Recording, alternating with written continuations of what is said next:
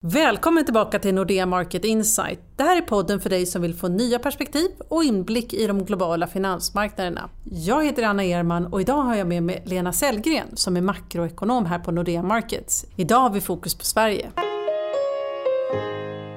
Hej Lena! Du har ju en lång erfarenhet av att analysera svensk ekonomi. Inte minst har du jobbat för fyra finansministrar. Du har varit chef på Konjunkturinstitutet och nu är du makroekonom här hos Nordea Markets.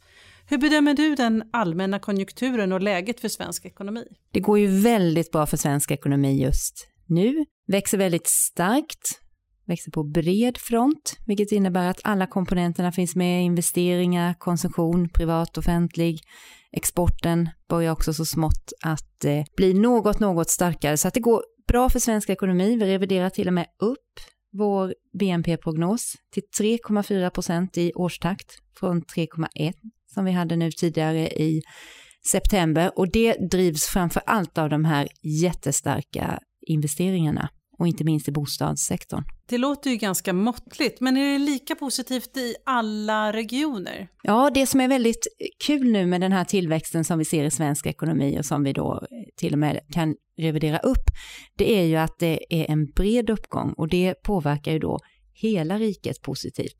Sen skiljer det sig åt mellan de olika regionerna. Vi har ju Mälardalen som har en väldigt stor andel sysselsatta i tjänstesektorn, vilket innebär att det som händer i omvärlden påverkar inte lika mycket. Så Mälardalen sticker iväg i en helt egen klass med 4% i tillväxttakt. Men vad är det som egentligen skapar den starka tillväxten? Ja, det är ju tillsammans alla de här komponenterna som jag nämnde, men framför allt så är det att investeringarna växer så väldigt, väldigt starkt. Men sen är det privat konsumtion som är en stor andel och bidragande faktor till BNP-tillväxten. Så hemmamarknaden är väl det som vi bör lyfta fram när det gäller den här starka svenska tillväxten. Om man ser på till exempel Hälsingland och Närke så finns det ju ingen tillväxt alls sedan flera år tillbaka. Men du anser ändå att det är positivt. Kan du förklara lite hur du resonerar när du säger så? Ja, det är ju två regioner som är väldigt bra att lyfta upp i det här sammanhanget eftersom där ser vi ju just det här med svag tillväxt har varit till och med negativ och sysselsättningen har stagnerat och det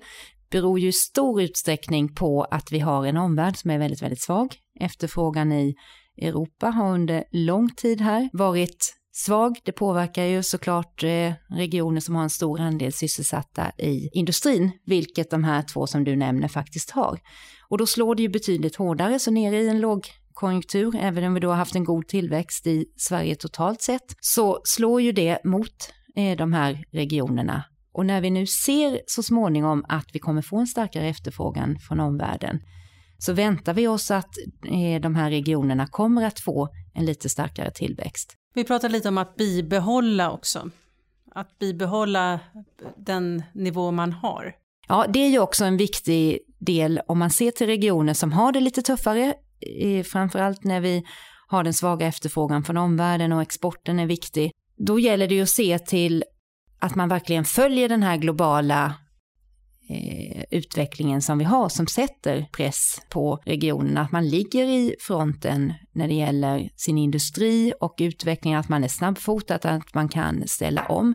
Och just för regionerna där sysselsättningen har stagnerat och inte ökar någonting utan ligger ganska still, så kan man ju se det som att det är fullt tillräckligt. Det är klart det är önskvärt att man kan öka, men lyckas man bibehålla och ha en attraktiv region, då kommer det ju också fortsatt att finnas jobb i regionerna. Så det är viktigt. Om vi tittar på Småland, för vi har ju en bild av Gnosjöandan och att det växer så det knakar. Men det ser inte riktigt ut så i verkligheten. Vad krävs för att Småland ska få upp flåset igen? Mm, Småland är ju en region som utmärker sig här just den här rapporten som vi presenterar nu när det gäller den regionala utvecklingen, där vi har tittat på investeringar. Och investeringarna minskar faktiskt i Småland, har gjort det under 2000-talet och det gäller ju framförallt i den varuproducerande sektorn. Är det också på grund av exporten eller? Är det... det påverkas delvis av det men vi har sett det under en längre tid. Så att det är ju inte enbart det här utan där har vi hela globaliseringen, mycket outsourcing, vissa branscher har det tuffare än andra, det kan vara skogsindustrin. Sen har vi andra delar i Småland där vi har flera företag som är underleverantörer till bilindustrin som går väldigt bra just nu. Så det finns några ljusglimtar. Vi har ju ett lillebror storebror komplex, en relation mellan Stockholm och Göteborg. Men hur ser det ut avseende tillväxt, industri och tjänstesektorn? Vem är egentligen vinnaren? Mm, tittar vi just eh, på den här rapporten när vi har sett till den regionala tillväxten så spelar ju eh, Mälardalen, Stockholmsregionen i en egen division här med sina 4% i tillväxt och övriga eh, delar av landet och även om vi ser till just Västsverige, Göteborg, så har vi eh, drygt 3% i tillväxt. Så det är klart att det är en stor skillnad. Där sticker Mälardalen ut. Men skulle vi sen titta just i industrisektorn så är det faktiskt så att investeringarna i industrin ökar snabbare i eh, Västsverige än vad de gör i Mälardalen. Så det är lite olika vad man tittar på. Så på längre sikt kan man säga att Västsverige blir industriregionen i Sverige? Det är där man kommer hitta industri. Ja, när vi, när vi tittar i industrin så ser vi ganska tydligt att eh, det koncentreras och specialiseras just i Västsverige. Och vad skulle kunna hota den här högkonjunkturen som du faktiskt pratar om här? Då kan man ju ha både ett lite mer kortsiktigt perspektiv och lite längre. Och om vi börjar med på kort sikt så skulle jag säga att det är orosmolnen som vi ser i omvärlden. Det som vi inte riktigt kan styra över själva. Kan du ge några exempel där? Eh, ett exempel är ju Kina. Hur snabbt ska Kina växla ner, alltså hur snabbt ska tillväxten dämpas? Kina kommer ju gå från en investeringsledd, eller är inne i det just nu, till mer konsumtionsledd tillväxt. Och där finns en viss oro för att det här kan gå snabbare än väntat och då påverkar det hela världsekonomin och även en liten öppen ekonomi som Sverige som är beroende av exporten. Även men vi inte... exporterar väldigt lite till Kina, så hur hänger det här Det är en ihop? ganska liten andel, men hela världsekonomin hänger ju ihop naturligtvis och skulle det gå, eh, bli en väldigt eh, kraftig nedgång i Kina eller världsekonomin totalt sett så kan det påverka Sverige mer indirekt. Om det påverkar i euroområdet, Tyskland som vi har en stor andel av vår export till. Så allt hänger ihop. Men det här är inget scenario som vi har i vår prognos. Men det är ju ändå en risk så att vi är väldigt ödmjuka inför det som händer i omvärlden.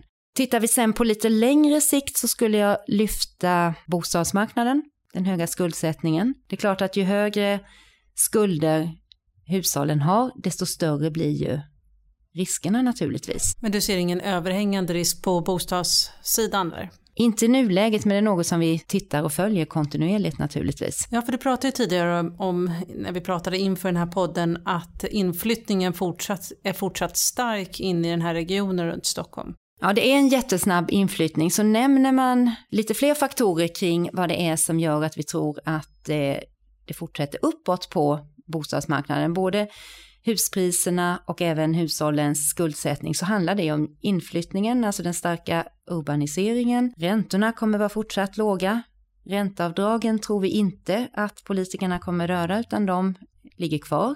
Och tillsammans gör ju det här att det sannolikt fortsätter uppåt. Det byggs inte tillräckligt snabbt. Så det är väl mycket det också som gör att vi har en högre efterfrågan än vad utbudet är. Du har ju skrivit en rätt gedigen rapport om läget i Sverige som heter Regionala utsikter, som släpps idag för övrigt. Var ska man vända sig om man vill läsa hela rapporten och ta del av alla detaljer? Då går man in på Nordeas eh, hemsida och nexus.nordea.com. Där kan man läsa om allt som eh, är regionalt. Spännande. Tack för idag. Jag hoppas att vi snart får en anledning att se på svensk ekonomi igen. Om du vill veta mer så går det bra att gå in på nordea.se markets. Här hittar du nyhetsbrev och annan information. Om du vill ladda ner rapporten som vi har pratat om idag så går det bra att gå in på nexus.nordea.com. Du kan också mejla mig, anna.erman.nordea.com om du har tips eller frågor. Välkommen tillbaka!